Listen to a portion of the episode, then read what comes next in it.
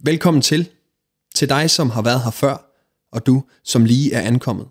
Vi er København Vineyard på Frederiksberg. En kirke med et inderligt ønske om, at du føler dig inkluderet, inspireret og involveret i den rejse, som Gud inviterer os alle sammen med på. Vi håber, at den næste tid med podcasten på Play vækker opmundring, udfordring eller genklang lige der, hvor du er. God fornøjelse. Um, it's such a joy and privilege for me to be with you here this morning. Um, uh, the way that God has reintroduced me and Christian together has, has led to this today as well. And so, uh, thank you to Pastor Fleming. Oh, It's always a privilege to stand in someone else's pulpit. You don't know me, and uh, you have no idea what I'm going to say this morning, whether it's going to be good, bad, or the ugly, or just Clint Eastwood. but uh, uh, uh, I worked for six years as a teacher in uh. Many of you might know that school. And uh, my job was to teach rugby and character uh, training to many of those young men and women um, of a very high standard. And uh, I used to teach the prince, Prince Joachim uh, of Denmark. And I thought, man, if they only knew where I came from, the fools. Uh, but we had a great time there, and uh, it's wonderful to be with you today. If you have your Bibles, turn with me to Zechariah. Zechariah chapter 3, we're going to look at. Um, I'm sure we'll get to know each other a little bit more in the future, but uh, I want to get to the Word of God. I'm a Bible teacher, and uh, I've been many things over the years uh, an evangelist, a pastor, a many different things. But uh, the one thing I'm passionate about is the Word of God. Um, both in study, I'm a theologian, but also to make it understandable to the simplest of people.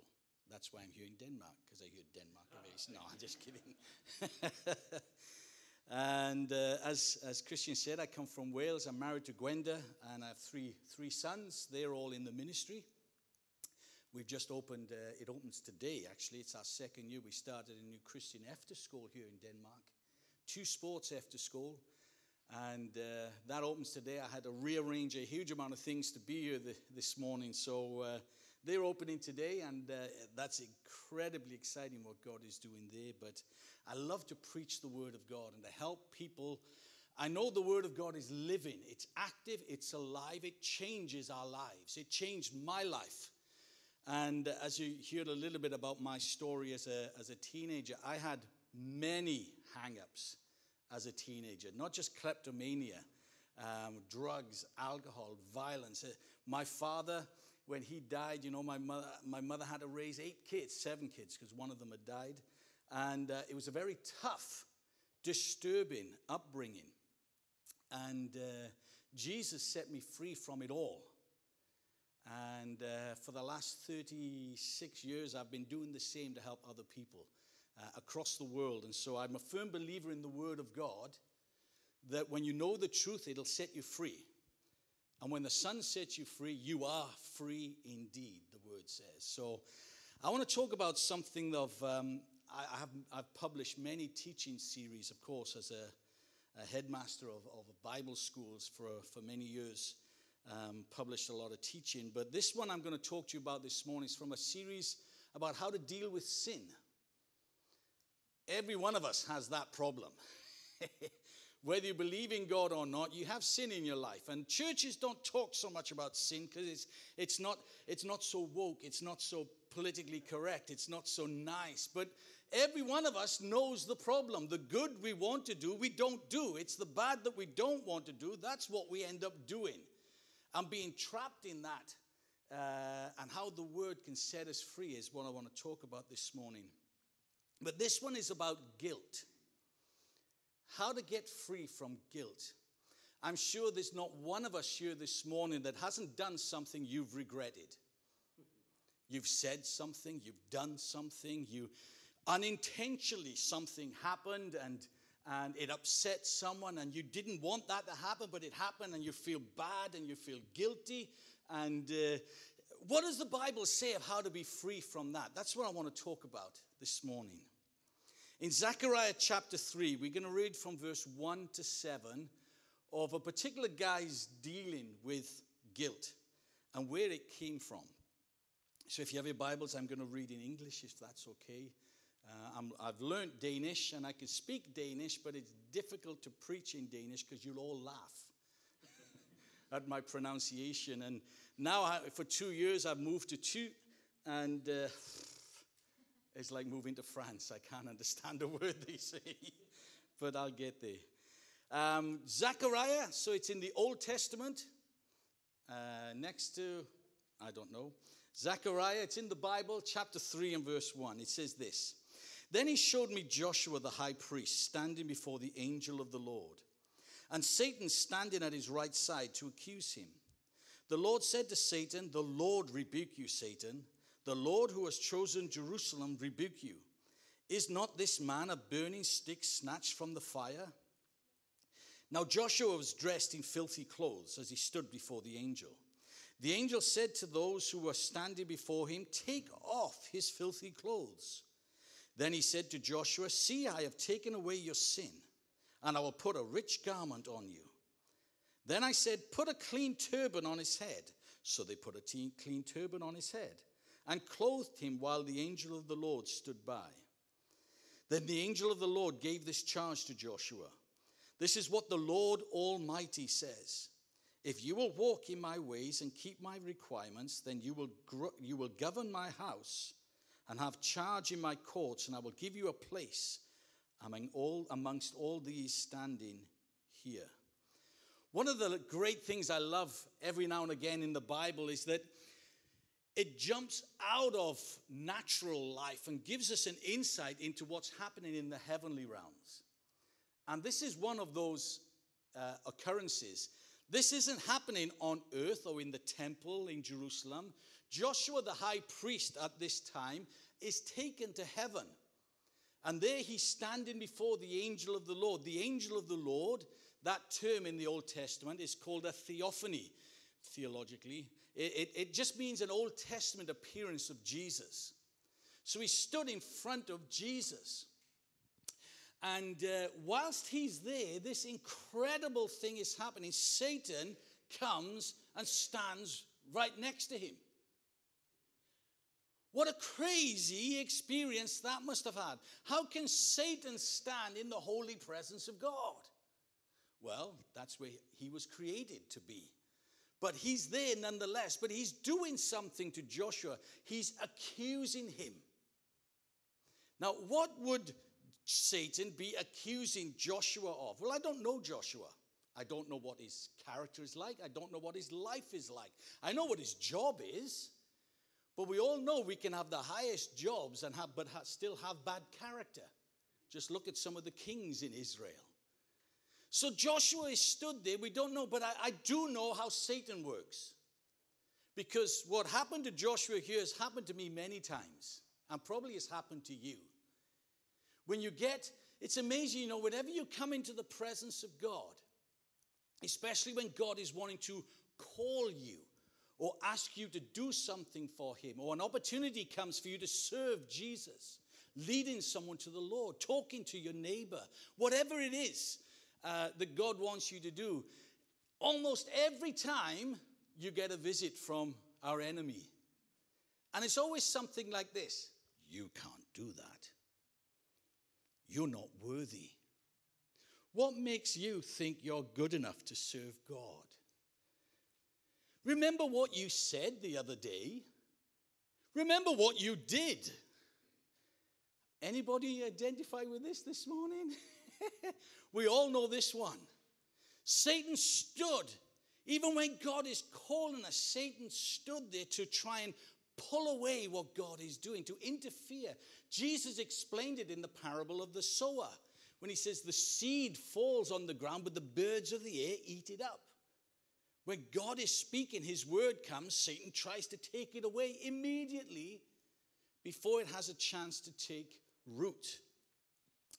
And here we have a spiritual insight into the heavenly realms. The high priest is being called by Jesus to work for him, and Satan's there accusing him, trying to make him feel guilty. I don't think Satan's wrong in this because It may be that he said wrong things, done wrong things, thought wrong things, believed wrong things. We all do. It's part of our fallen nature. But there's some great pictures here as to what God says. God says, See, you're, you're, you're covered with filthy clothes. It's a symbol of our sin. Whenever you read in the Bible the term filthy clothes, it, it always has to do with someone's sin. Remember what Isaiah said, you know, our righteousness is as filthy rags. But Jesus takes away, he says, take off those filthy clothes and puts clean garments on him. What a beautiful picture of what Jesus does for us on the cross. He takes off our filthy garments and he clothes us with his righteousness. It's a beautiful prophetic picture of what Jesus is going to come to do in our lives. That night in that field that I met Jesus and got saved, I knew I was a sinner because the revelation of my sin was painful. I mean, I had shot people, I'd planned to murder people, I'd done a lot worse than what Christian said I did. And it was like everything I'd ever experienced and done in my life condensed into an ugly, unclean feeling. I was guilty, and I knew it. I thought I was going to die. And Jesus came and took it all away and dressed me in clean clothes. It's that what's changed my life. That forgiveness, that restoration, that ability to, yes, I am not perfect, but God still loves me and wants to use me anyway. He makes us clean. But we still have an enemy that wants to speak lies. The Bible says he's the father of lies. I always have a rule whenever I hear Satan speaking to me, I always believe the opposite.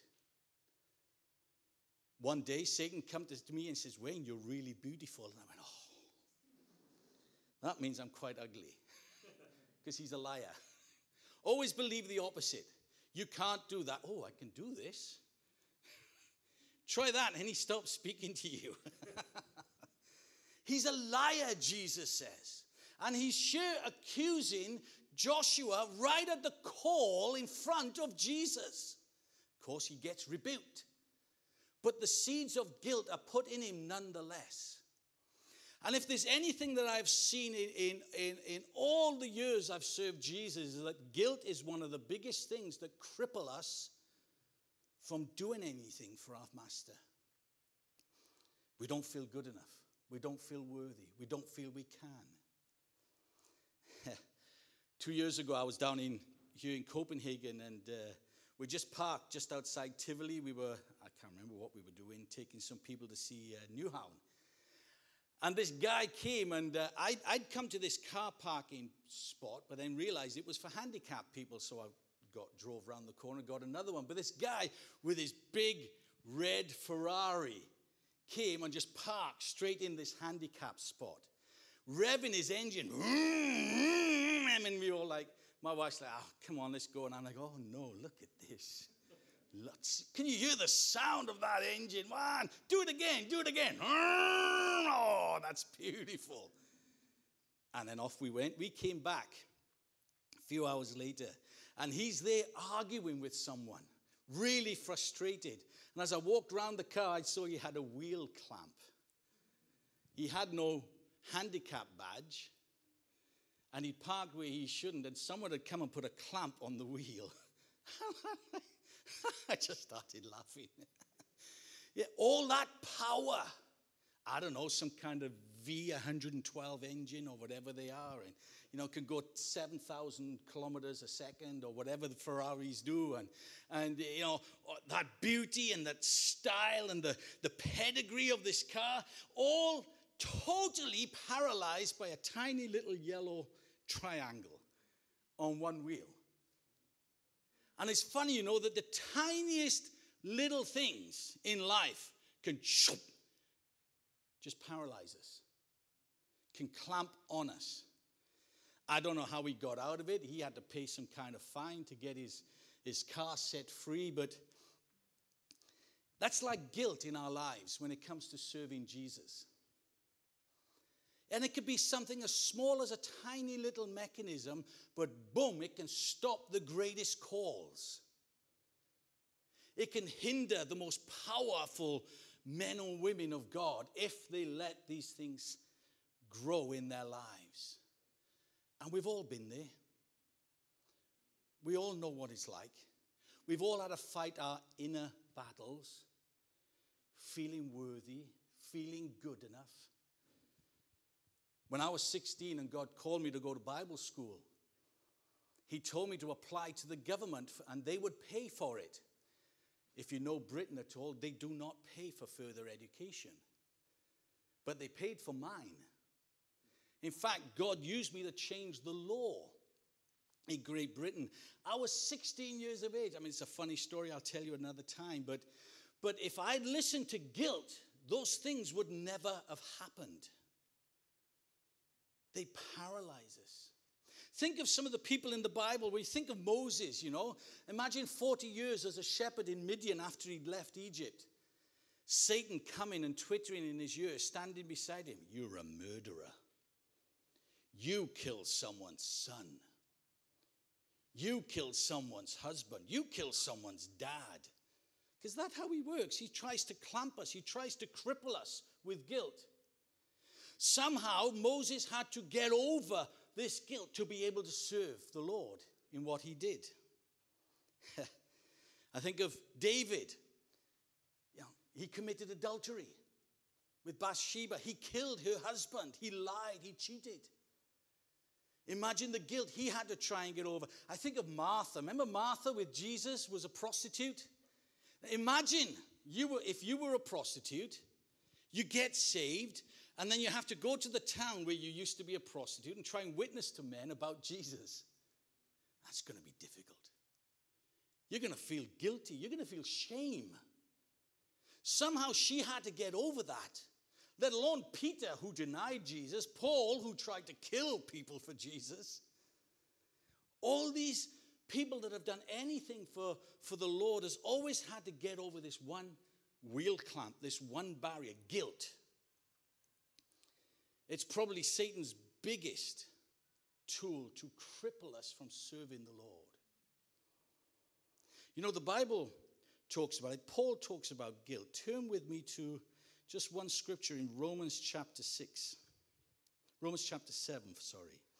Now, Paul in Romans chapter 7, he's explaining a little bit about the sin in his own life, the struggle, the inner fight between the flesh and the spirit in his own, in his own life. And he says these words You know, the good I want to do for God, I don't do. And the bad that I know is wrong, that I don't want to do, that's what I end up doing. But in chapter 7 and verse 24, he says these words What a wretched man I am! Who will rescue me from this body of death? Now, if you don't understand Roman history and Jewish culture, you won't understand what he's saying here so much. Also, if you want to get some great meaning into to what he's saying, you've got to go back to the original languages written in Hebrew and Greek, or Greek in this sense. He uses the word here, wretched. Now, please forgive me. I know many of you are going to go to lunch soon, so bear with me because this is going to be a horrible picture I'm about to paint for you. But, but this is how spiritually God sees guilt in our lives.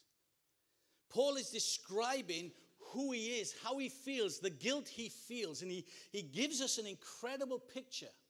Remember, he's speaking to the Roman church, it's the book of Romans. He doesn't explain the picture because they already know from their knowledge and culture what he's talking about.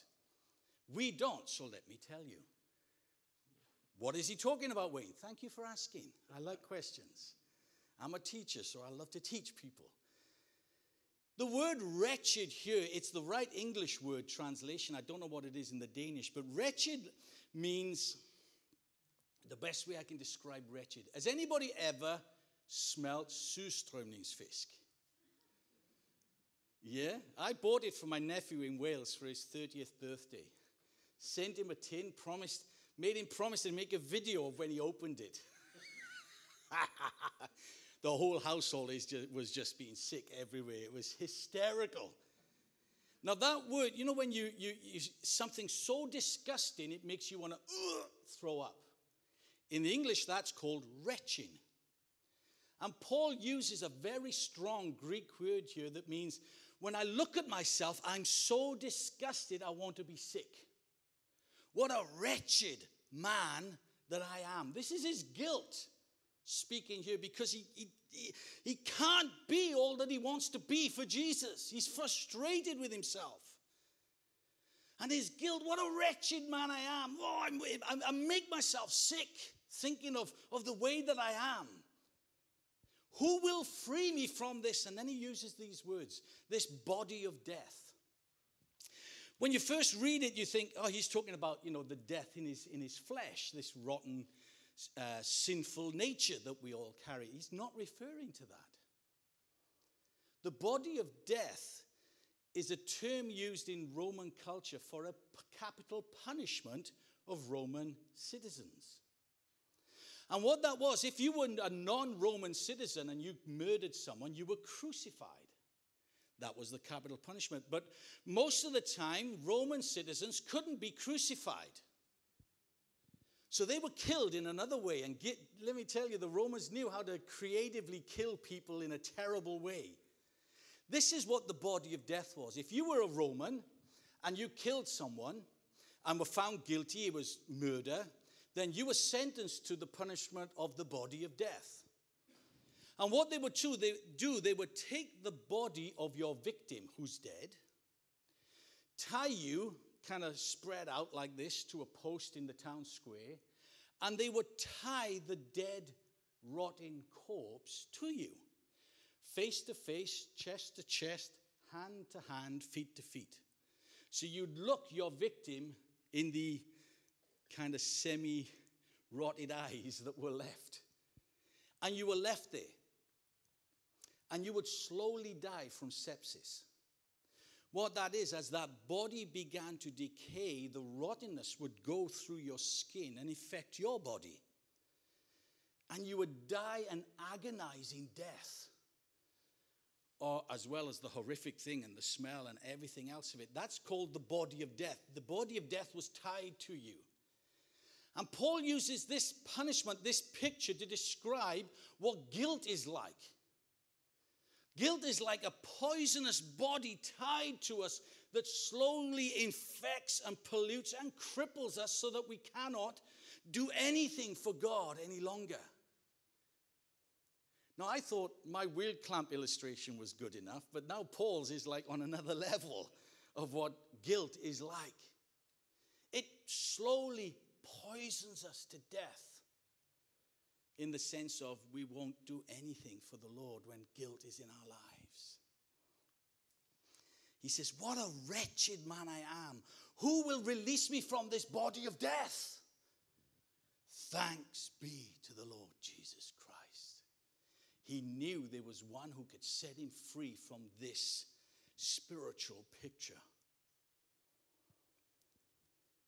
You cannot keep the body of death around you. You die. Everybody knew that in the Roman church.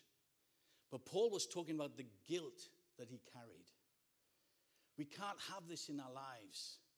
Friends, you can't live a healthy, free life for Jesus carrying regrets, carrying guilt, carrying shame.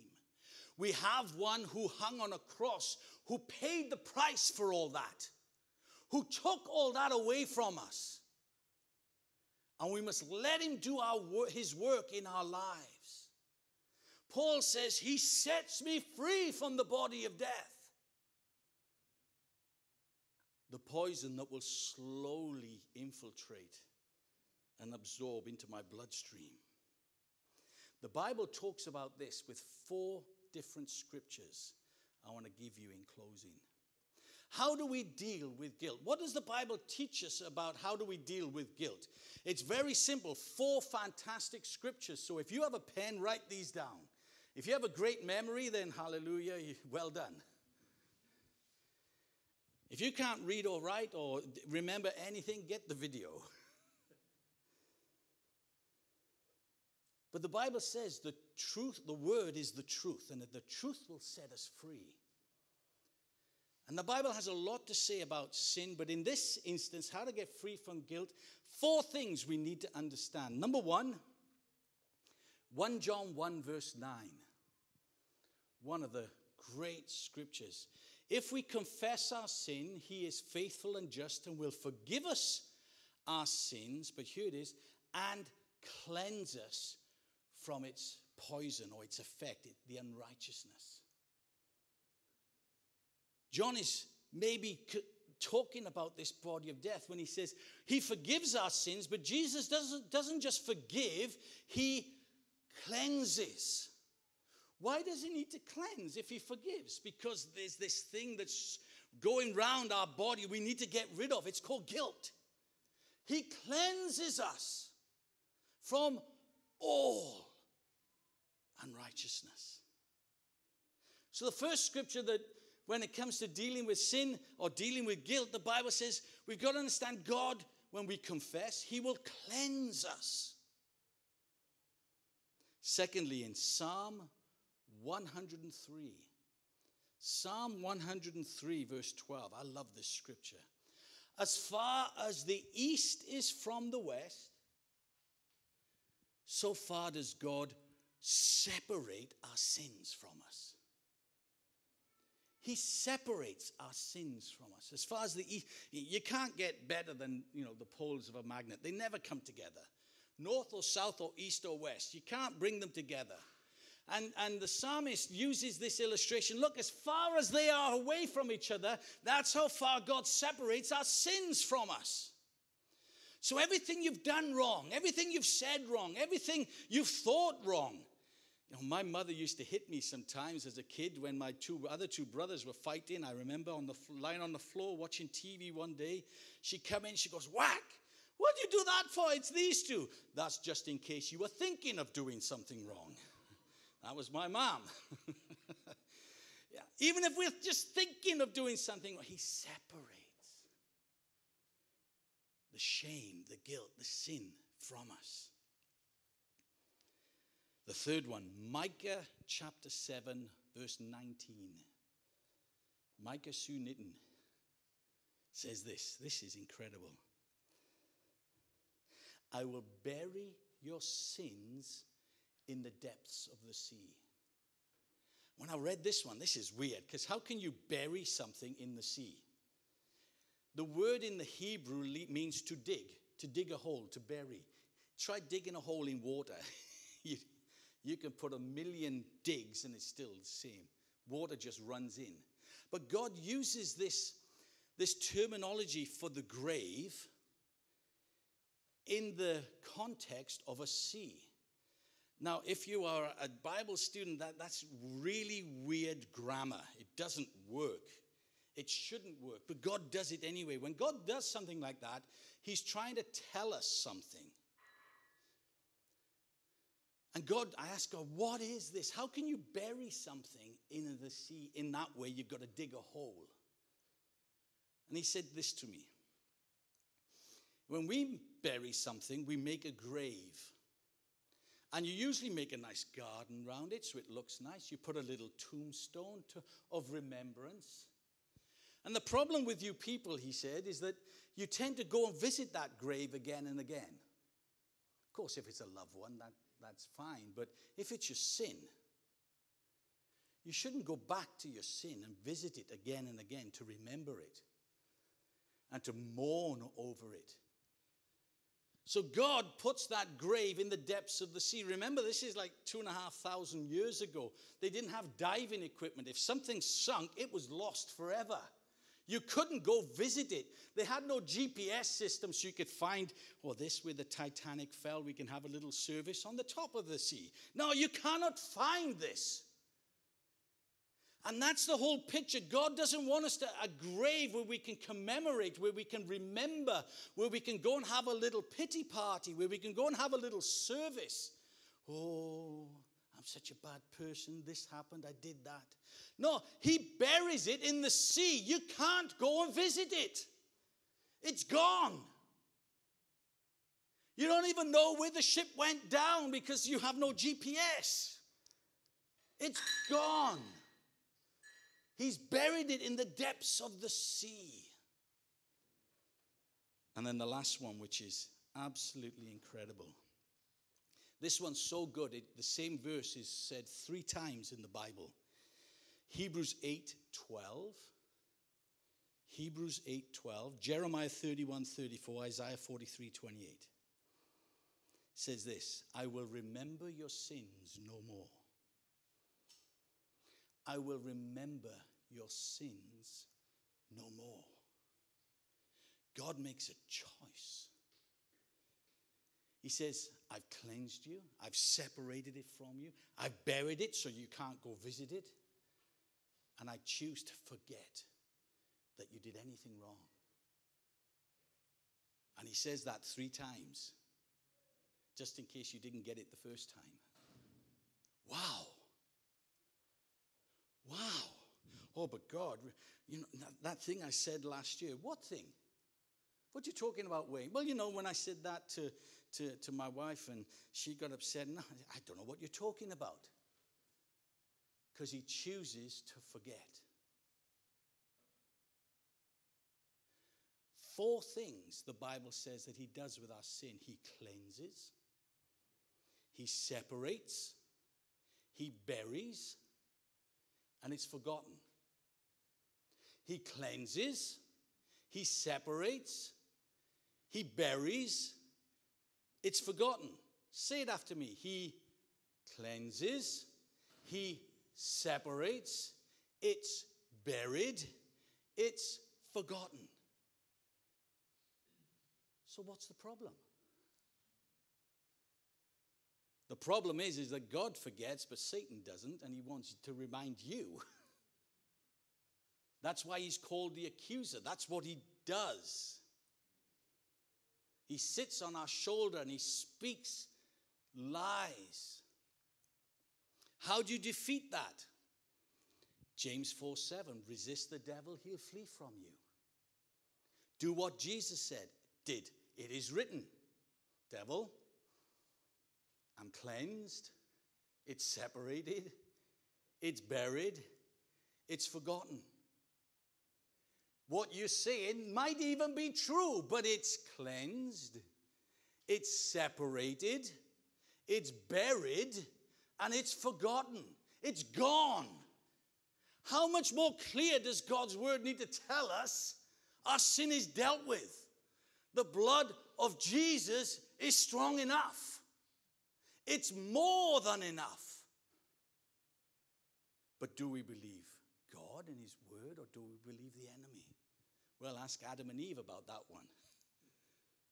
Did God really say? We quote scripture at the enemy. So, what was it again? I'm cleansed, it's separated, it's buried, it's forgotten.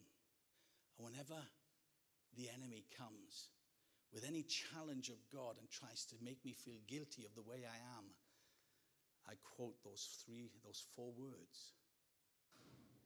That's how we deal with guilt, friends. And as we close here this morning, I just want to finish with a, one final story. just over a year ago, I was preaching this message in a Baptist church in Wales. Now, you're going to understand the culture, okay? Baptist churches in Wales are probably the most religious, Pharisaical organizations on the planet. I only got in there. Normally, I wouldn't go to such a church because they don't believe in the Holy Spirit. You can't pray for people. You speak in tongues. You get crucified and stoned and cut in half and boiled alive. And man, you know. But it's my mother in law's church. And my mother in law is complaining. He comes to Wales. He never comes to teach, preaches at our church. And so my wife then moans at me, and I'm like, I have a six months of hell on earth, so I have to go to preach at this church. So I'm, I'm scared because I am a Bible teacher. They like Bible stuff, but I also believe in the power of God's presence. And uh, I finished preaching this, this sermon. I know I can't pray for anyone, so I was like, God bless you, good night, and uh, see you if you invite me next time. Trying to like, get out of there as fast as I can. and suddenly, this, this, this old lady, she's, she's about 80, I know because she's my mother in law's best friend, Diane, and she just starts crying. It's quiet like this, and suddenly, I mean, when I'm in crying, I'm like, really loudly. I'm like, shut up, shut up, shut up, shut up. And some of the ladies gather around and just give her a hug. No one can shut her up. It's getting worse. And I'm getting like, okay, I gotta leave. I gotta get out of here before they're gonna kill me.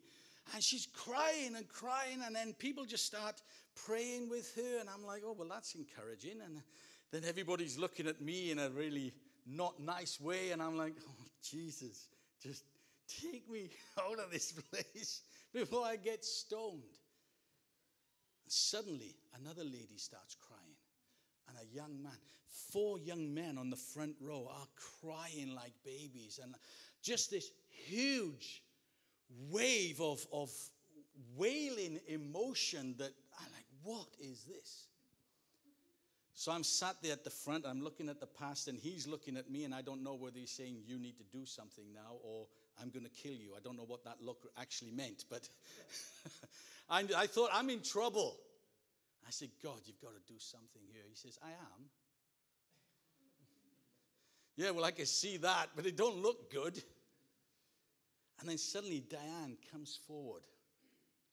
She stands at the front and she just says, Thank you, Wayne, for that word from God.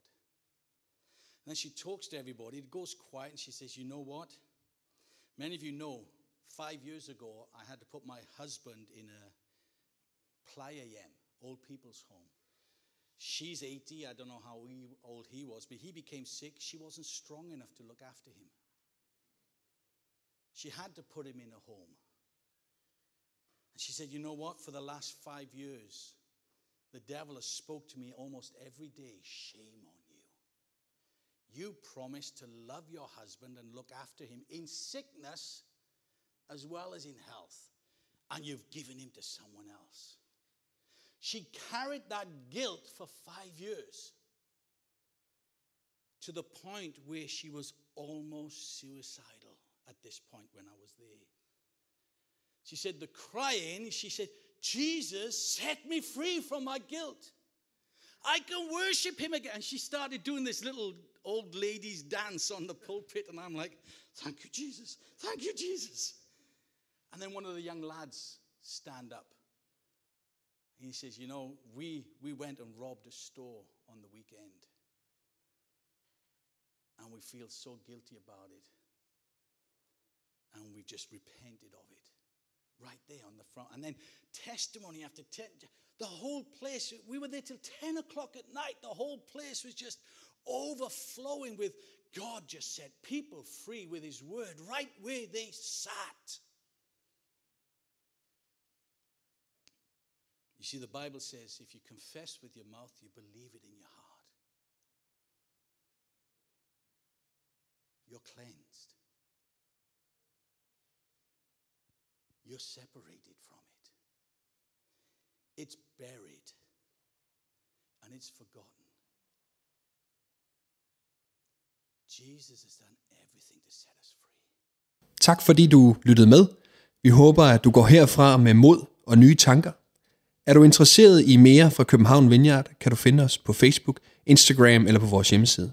Du er altid velkommen forbi kirken på Nyvej 7 på Frederiksberg, både til gudstjeneste om søndagen eller i løbet af ugen. Guds fred og velsignelse til dig.